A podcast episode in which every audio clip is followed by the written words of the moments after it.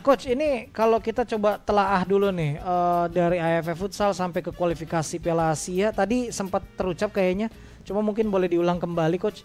Yang ya. peluang mendatangkan prestasi baik itu yang mana, coach? Kira-kira yang kita bisa tunggu-tunggu. Kalau putaran dua Liga Nasional kan ini uh, internal ya, tapi kalau dunia internasional, ya. uh, Sea Games ya, Sea Games, sea Games. itu Sea Games dan uh, tentunya yang pertama itu ya kita harus lolos ke Piala Asia dulu, mm-hmm. minimal peringkat tiga di AFF. Ya. Peringkat tiga di AFF. Oke. Okay. Yang bisa ya kita capai yaitu Sea Games, ya putra dan putri ya. Mm-hmm.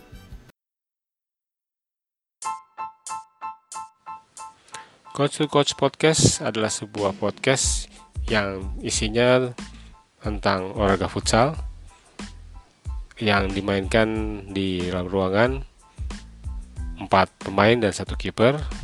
Nah, di podcast ini kita akan berbicara soal teknik, taktik, maupun informasi-informasi mengenai jadwal dan hasil pertandingan, terutama di Liga Asosiasi Akademi Futsal Indonesia atau AFI. Nah, kita akan menampilkan juga narasumber-narasumber dari berbagai uh, tempat dan pelatih-pelatih yang berkualitas. Semoga obrolan ini bermanfaat bagi pemirsa. Selamat mendengarkan.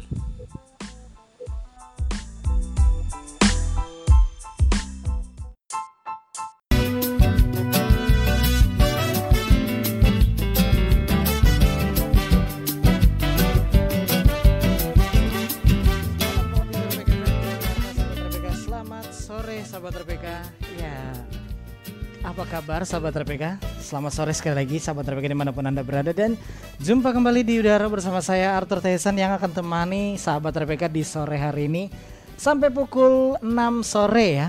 Dari pukul 17 sampai pukul 18 kita jumpa di teman olahraga sore-sore. Apa kabar semuanya sahabat RPK? Mudah-mudahan sahabat RPK semuanya sehat ya. Lah dan tetap bersemangat pastinya saya doakan tetap bersemangat, tetap sehat dan biar tambah semangat, tambah sehat. Tubuh juga harus tentunya harus bugar ya. Nah, biar bugar bagaimana? Harus olahraga pastinya sahabat RPK. Biar fit juga tentunya ya. Dan kali ini istimewa banget karena seharusnya sih biasanya di minggu pertama ya, tapi karena minggu pertama namanya juga tahun baru, ya kan? Pasti ada kegiatan masing-masing. Uh, jadinya nggak bisa hadir nih secara langsung sahabat RPK. Tapi tenang saja kali ini kita hadir secara live di klinik. Eh klinik lagi bener. Coaching klinik lebih tepatnya ya sahabat RPK ya. Dan sudah hadir melalui line Skype nih yang katanya lagi flu katanya ya. Ada coach David Nanulaita. Halo selamat sore coach. Selamat sore. Iya apa kabar sebelumnya coach? Kabar baik. Wah Tuhan. mantap. Kamera boleh dinaikin sedikit coach? Nah, ke kepotong kepalanya sama matanya. Oh. Ya dan topik kita kali ini nih sahabat RPK yang mungkin sahabat RPK bisa lihat juga ya di apa namanya di thumbnailnya uh, eh, RPK itu kita mau bahas soal resolusi futsal 2022 nih. Wah, semuanya tuh mentang-mentang tahun baru ya harus ada yang namanya resolusi kayaknya termasuk dari dunia futsal. Dan nyambung nggak ya kira-kira sama apa yang terjadi beberapa waktu kemarin AFF? Uh, coach, apa apa nih maksudnya mau mengangkat topik ini nih resolusi futsal di tahun 2022? Iya, uh, karena gini kan di tahun ini kan uh, apa namanya kita sudah punya agenda mm-hmm. agenda untuk kalender 2022 untuk uh, kegiatan futsal, yaitu dari uh, pelaksanaan liga profesional, mm-hmm. kemudian ada AFF futsal dan yaitu kualifikasi untuk Piala Asia AFC dan juga ada jadwal-jadwal untuk uh, wakil klub-klub kita untuk bermain di AFC dan di AFF Futsal Club. AFF, oke, okay, oke. Okay. Jadi banyak kalender kegiatan ya? Iya, jadi kalendernya sudah sudah dibuat mm -hmm. sedemikian rupa. Jadi kita udah udah tahu nih dari dari Januari ini sampai Oktober tahun depan itu sudah ada jadwal yang pasti itu. Kalau mm -hmm. kan mhm. tahun lalu atau dua tahun lalu kan kita banyak uh, sekali uh, pertandingan-pertandingan yang ditunda ya. Iya Nah, karena di sini COVID. semua udah sudah sudah ada jadwalnya dan kita sudah bisa bersiap-siap mulai dari awal tahun ini dengan Mhm. pelaksanaan liga dulu, kemudian sampai di bulan Maret kan putaran pertama, April dan Mei kita udah siap untuk AFF Futsal Club itu kualifikasi Piala Asia dan SEA Games di Vietnam. Oke, jadi kalau urutannya gimana coach? Kalau dari tata urutan eh, jadwal terdekatnya apa? Kalau jadwal internasional terdekatnya itu di AFF. AFF Futsal. ya. Oke. Nah, itu 2 sampai 10 April. AFF futsal itu 2 sampai 10 April. 10 April ya. Oke. Eh, ber- bermain di Thailand. Oke. Nah, kemudian eh, di bulan Mei Ini Itu membawa semangat balas dendam sekali- sekalian buat eh, tim sepak bola ya. Mainnya di Thailand kan. iya, di Thailand.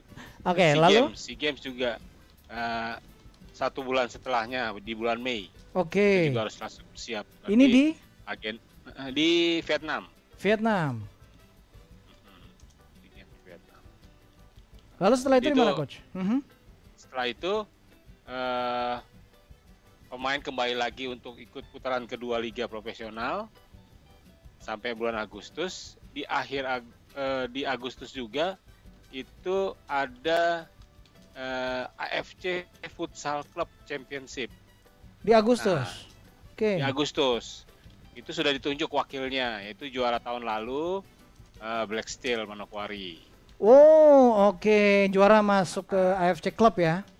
Ya, kemudian runner up-nya di bulan yang sama di Agustus juga ikut dengan yang namanya AFF Futsal Club. Jadi hanya eh, juara kedua itu untuk eh, wilayah region Asia Tenggara aja. Itu Mhm. Bintang Timur Surabaya yang akan mewakili. Oke, nah ini seru dan menarik banyak kalender juga ya yang eh, tentunya sahabat RPK pasti bisa ikuti juga ya eh, Iya. kompetisi-kompetisinya. Eh, lalu setelah itu apa coach? Setelah itu terakhir agenda terakhir yaitu AFC Futsal di Kuwait 25 September sampai 25 Oktober. Tapi syaratnya harus lolos dulu AFF Futsal yang di bulan April. Oh, oke. Jadi a- Iya. tingkat ah, apa namanya Asia Tenggara dulu ya? Ya, Asia Lol- Tenggara dulu Oh. Heeh. karena kan eh, Asia Tenggara itu dikasih tiga, Hmm, jatah tiga, tiga, tiga klub, Oke. itu juaranya peringkat dua dan peringkat tiga. Nanti Mhm. target kita adalah di bulan April itu adalah lolos ke A- AFC Futsal Club, eh, Mhm. AFC Futsal itu ya kalau nggak juara satu ya minimal peringkat tiga. Ah, di mana tuh coach? Yang target Ke tinggi kita? AFC Futsal, AFC target fut- futsal. AF- AFC Futsal di akhir tahun Mhm. di Oktober. Eh, penyisiannya di AFF dulu. Oke. Jadi ini eh, AFF Futsal ini tanggal 2 sampai 10 April itu penyisian di Thailand ya. Iya benar. Oke, nah ini beberapa jadwal nih sekali lagi nih sahabat RPK yang bisa kita ikuti ya di tahun ini buat para penggemar sepak eh, futsal maksudnya. Ada AFF Ya. Futsal 2 sampai 10 April di Thailand, lalu ada SEA Games ini bulan Mei di Vietnam, kemudian putaran dua Liga Nasional ya, coach. Ini bulan Agustus. Nah, di bulan Agustus ini cukup ramai sahabat RPK selain ada putaran dua Liga Nasional, ada juga AF, eh, AFC Club ya. Eh, futsal Club, sorry. Ini bulan Agustus yang mengutus wakil dari Indonesia itu Black Steel, Manokwari. Ya. Lalu untuk tingkat AFF karena karena juara duanya itu Bintang Timur, mereka mereka yang dikirim. Lalu bulan Oktober nanti ini di Kuwait ada AFC eh, futsal ya. Ini negara ya coach ya. Ya. Tapi Ya, ini pun Piala harus Asia. harus lolos ya setelah menang eh, apa namanya bisa lolos dari babak istilahnya ini kualifikasinya di AFF futsal gitu ya coach ya. Iya betul. Seru banget nih sobat RPK. Oke, coach nanti kita lanjut lagi, kita ulas lebih lanjut lagi tentang apa namanya nih eh, resolusi begitu ya. Apa, apa saja sih yang menjadi target? Eh, tapi kita harus break dulu. Dan sahabat RPK yang nantinya mau ikutan ngobrol, berkirim-kirim opini juga boleh, komentar juga boleh banget. Di SMS WhatsApp-nya kami buka 0815 1843 kali. Sekali lagi 0815 1843 kali. Kami balik lagi setelah yang satu ini.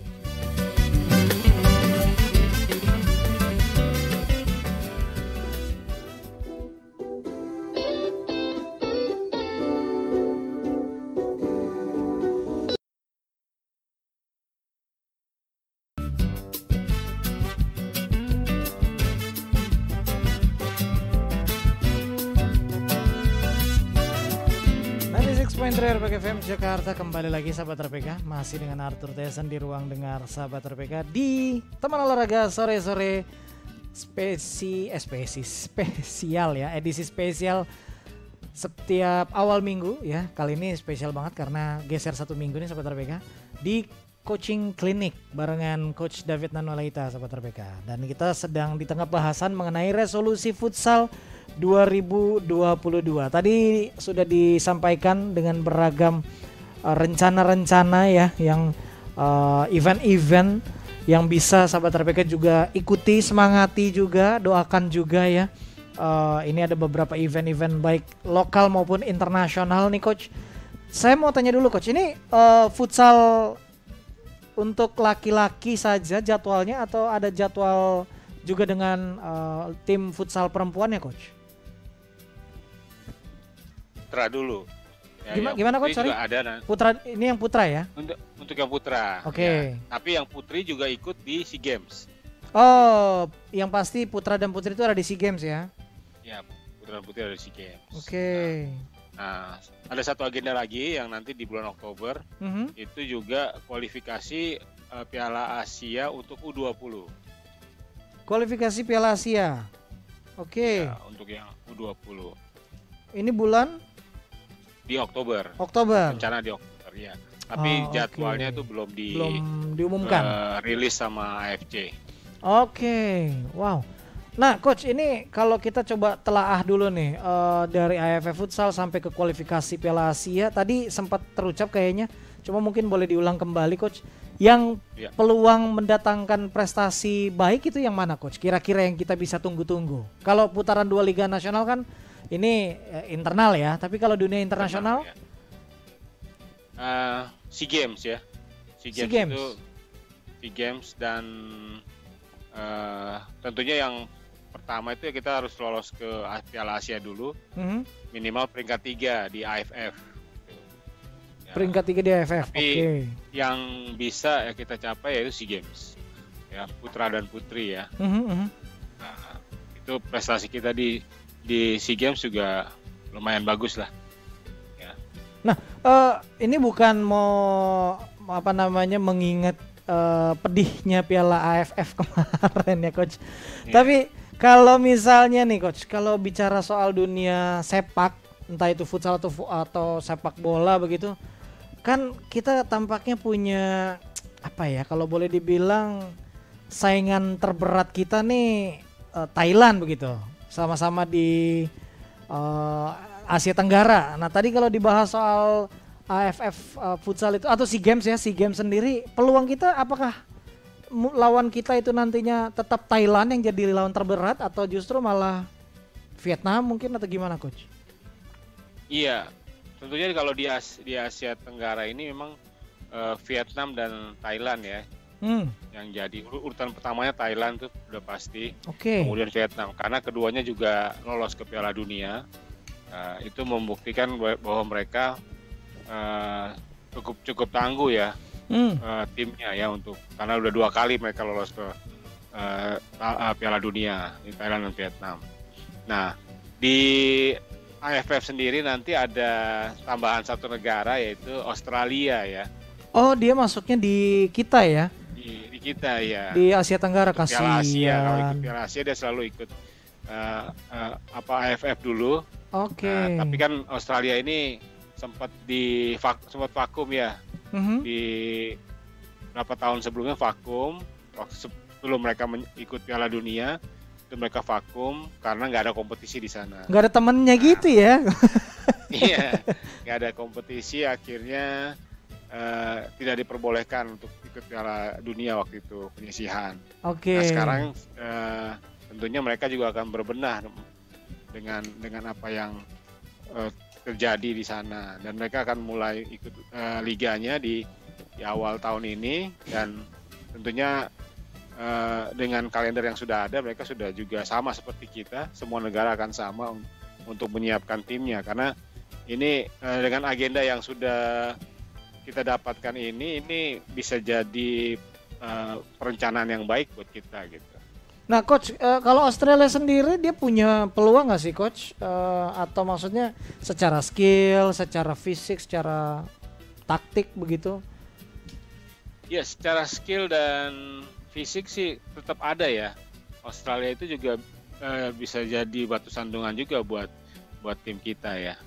Seperti itu. Eh, tentu dengan dengan fisiknya yang eh, lebih besar dan banyak juga ya tipe-tipe pemain-pemain Eropa di sana Hmm? itu juga bisa jadi hambatan.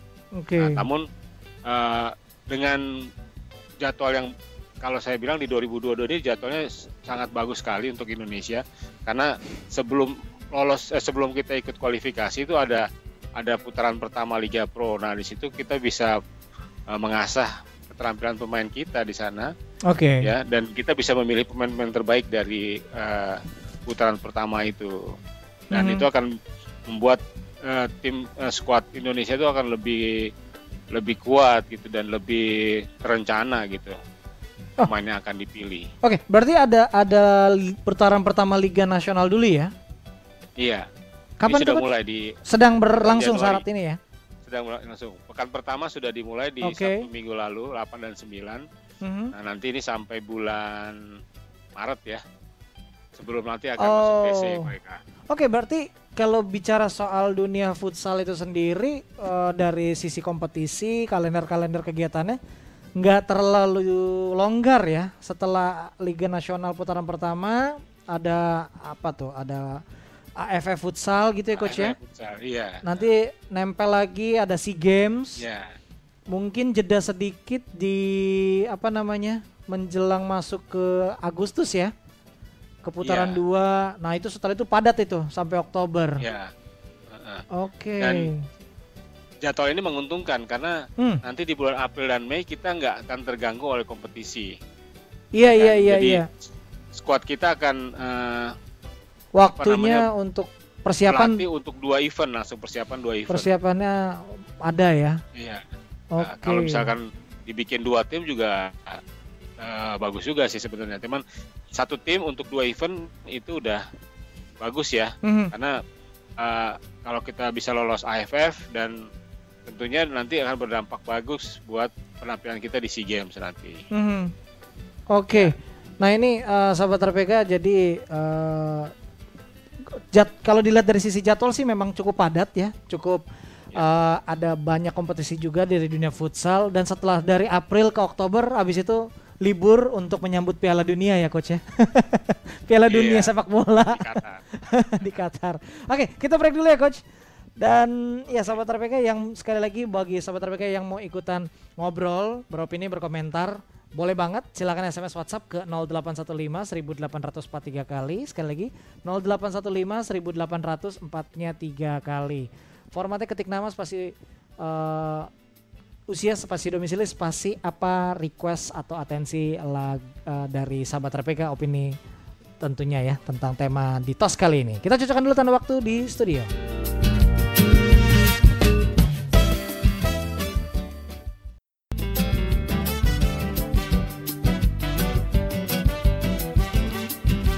Pointer RPK FM Jakarta kita kembali lagi lanjutkan lagi ya keberasa kebersamaan bersama sahabat RPK di teman olahraga sore-sore edisi kali ini yang mengangkat tema di coaching klinik ya yaitu resolusi futsal 2022.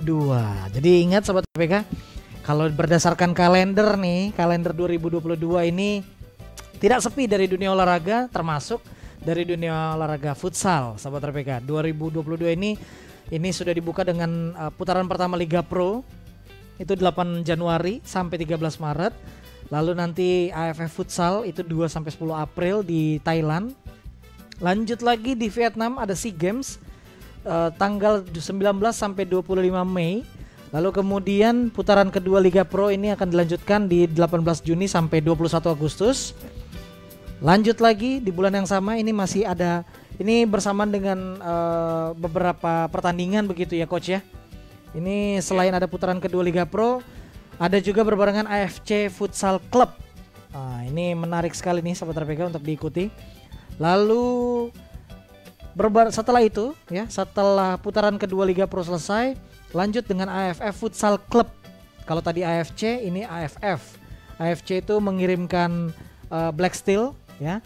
Lalu di AFC, AFF sorry mengirimkan bintang Timur Surabaya dan ini mungkin puncak di tahun ini ya kalender tahun ini yaitu di AFF AFC Futsal yang diadakan di Kuwait 25 September sampai 25 Oktober dan setelah itu sama-sama kita sambut Piala Dunia Sepak Bola di Qatar ya. nah coach, ini ya. uh, kalau dilihat dari kalender yang cukup ramai ini nih coach, apa sih yang jadi nilai baiknya begitu untuk perkembangan dunia futsal di Indonesia? Ada nggak kira-kira uh, imbasnya gitu, dampaknya gitu?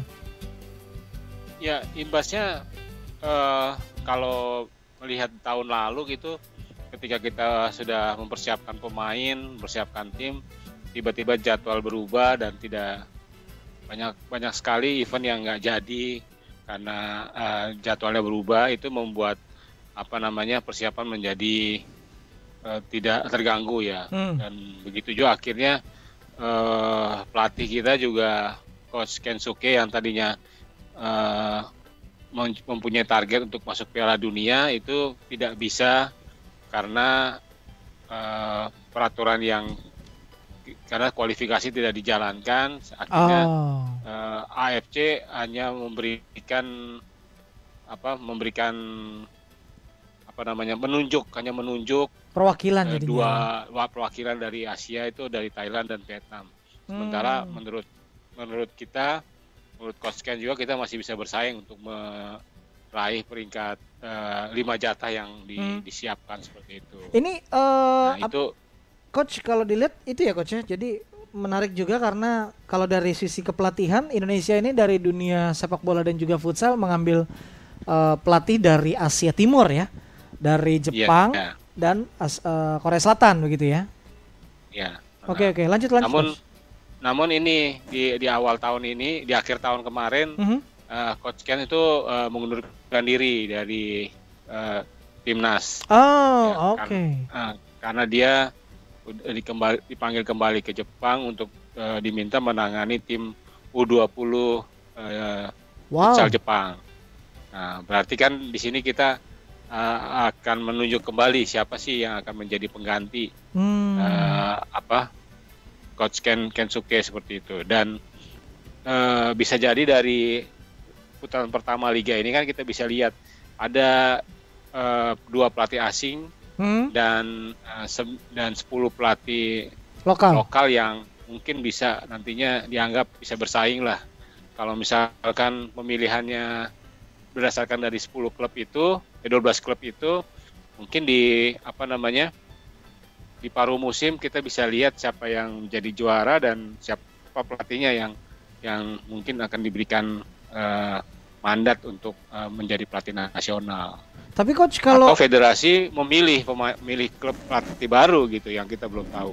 Tapi, nah itu dia kalau gitu ini kan PR lagi ya coach ya uh, bukannya ya. ketika pelatih berganti sistem jadi ikutan berganti gitu bukanlah jadi ya. sesuatu ya. yang mundur lagi ya uh, uh, beruntungnya kita masih ada staff staff pelatih yang yang uh, yang tadinya berada di bawah coach Ken dan hmm. pelatih itu masih masih masih ikut dalam dalam ini ya format uh, kepelatihan tim nasional hanya nanti tinggal uh, pelatih utamanya aja yang yang kita belum tahu siapa. Oke. Okay. Dan kalau federasi e, melihat e, keberhasilan coach Ken kemarin, ya paling enggak e, kita akan mencari pelatih yang yang sama itunya, artinya e, cara bermainnya, strategi bermainnya sama seperti coach Ken Suke.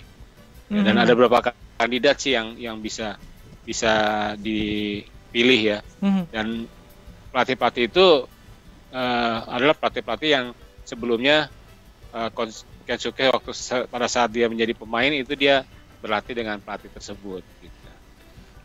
Oke, wah ini tetap tetap aja ya yang namanya dunia uh, bola bundar nih ada aja drama-dramanya ya. yeah. ada cerita-ceritanya ya. Oke, menarik banget nih sahabat RPK. Sahabat RPK mau berkomentar atau juga mau ikutan ngobrol, boleh banget ya. SMS WhatsApp saja ke kami ke 0815 1800 43 kali. Sekali lagi 0815 1800 4-nya 3 kali sahabat RPK. Coach bicara soal dunia futsal juga. Kalau tadi kan memang jadwal uh, dari uh, tim futsal laki-laki ya sebagian besarnya. Nah, dari kalau dari yang perempuannya sendiri memang bagaimana coach? Yang pasti tadi si games ya. Ya, si game.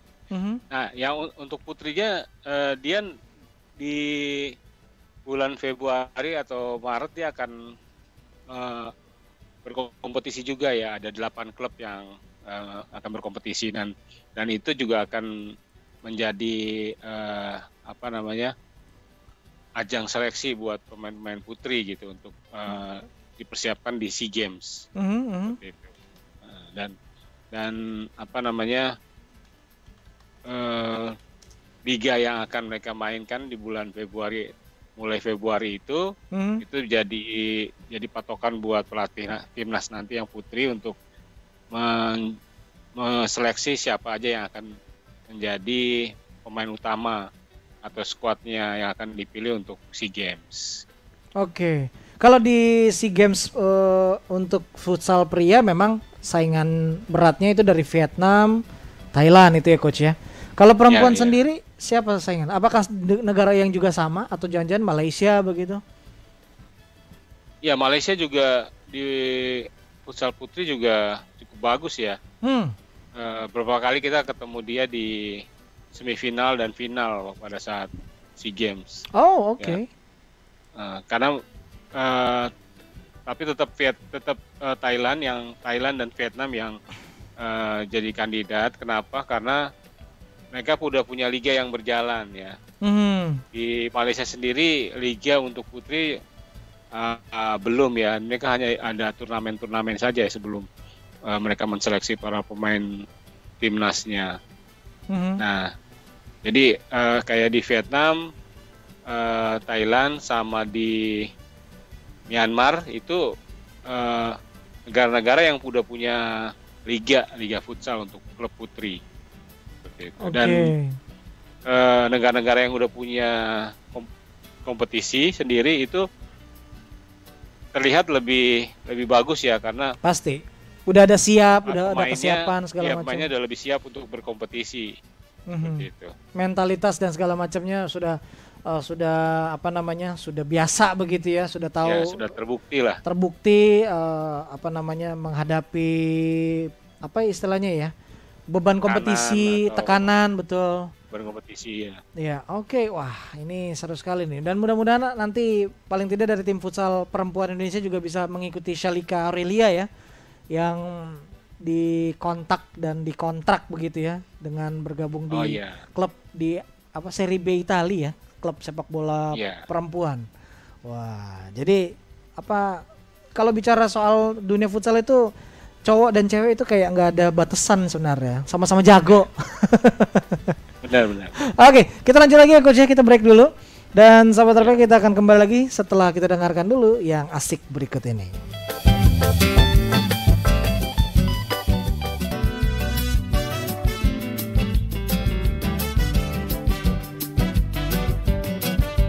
Ya kita kembali lagi sahabat RPK masih dengan teman olahraga sore-sore ya. Ada Coach David Nanolaita di Skype sahabat RPK bersama saya Arthur Tyson. Dan ini segmen yang terakhir eh, Masih dengan topik resolusi futsal 2022 pastinya ya.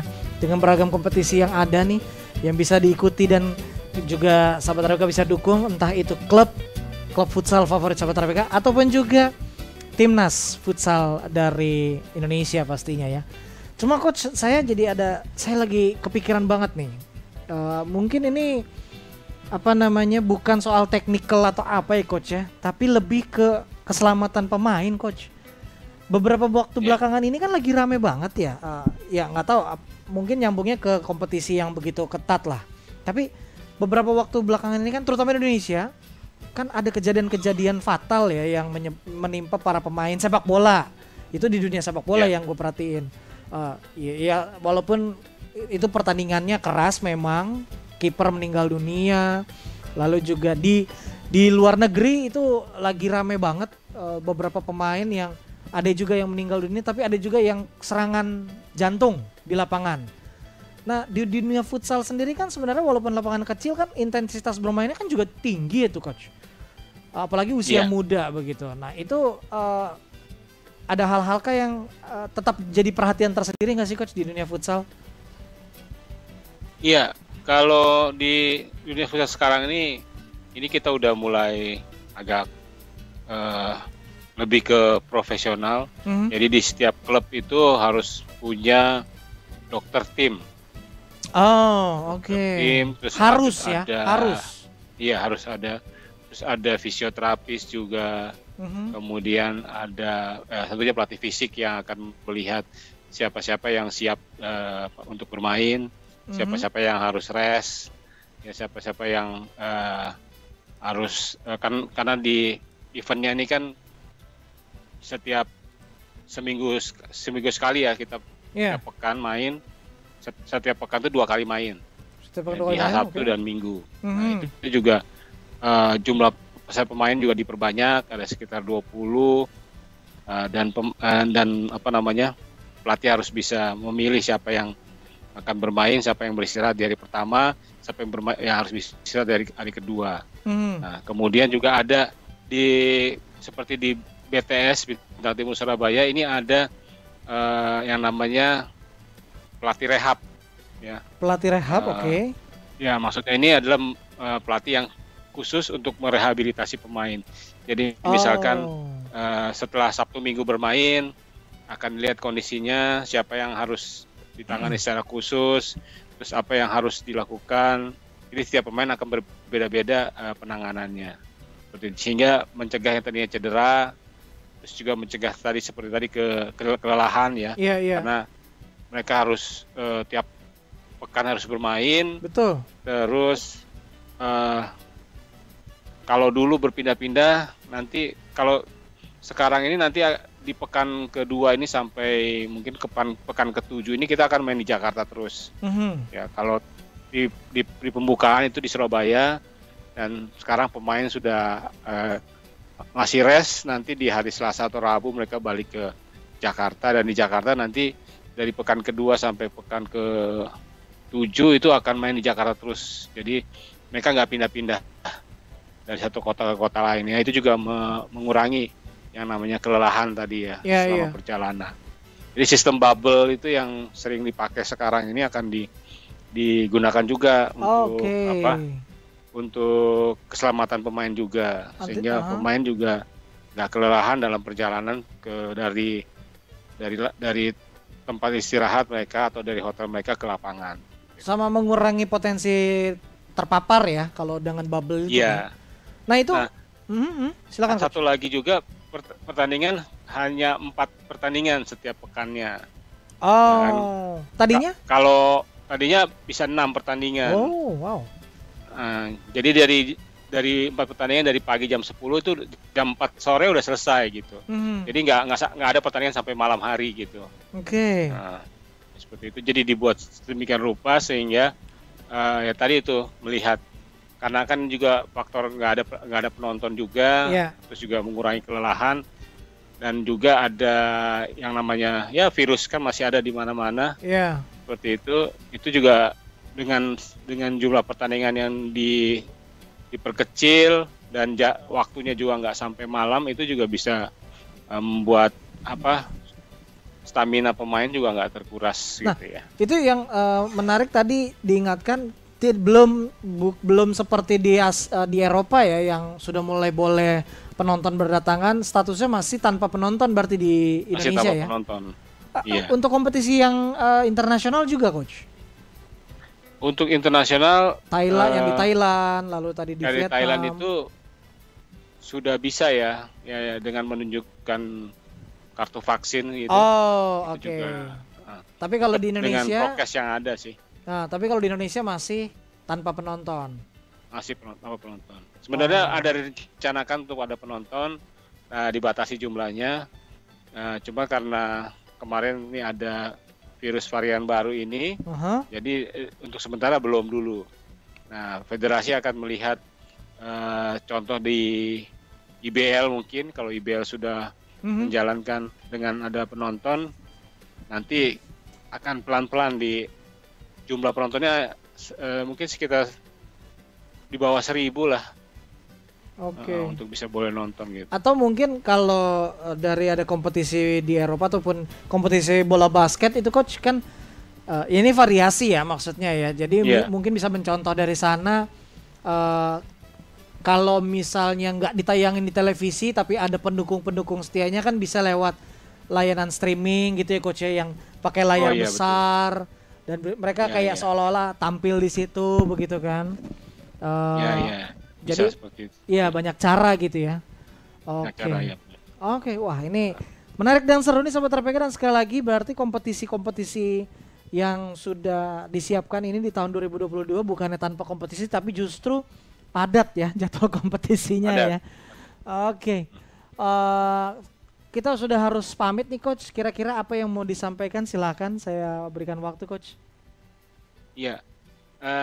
Nggak hanya kalender buat timnas ya. Hmm, hmm. Untuk eh, klub-klub futsal amatir juga udah harus bersiap-siap juga karena ada namanya Oke. Liga Futsal Nusantara Aha. ah, yang sudah bergulir eh, dibatasi sampai bulan September. Jadi eh, setiap provinsi harus sudah harus bisa menggelar Liga Futsal Nusantara untuk mendapatkan wakil ya satu wakil untuk eh, nasional. Dan nanti Hmm. ke depannya di bulan September tuh mereka akan bermain untuk mendapatkan tiket ke liga profesional.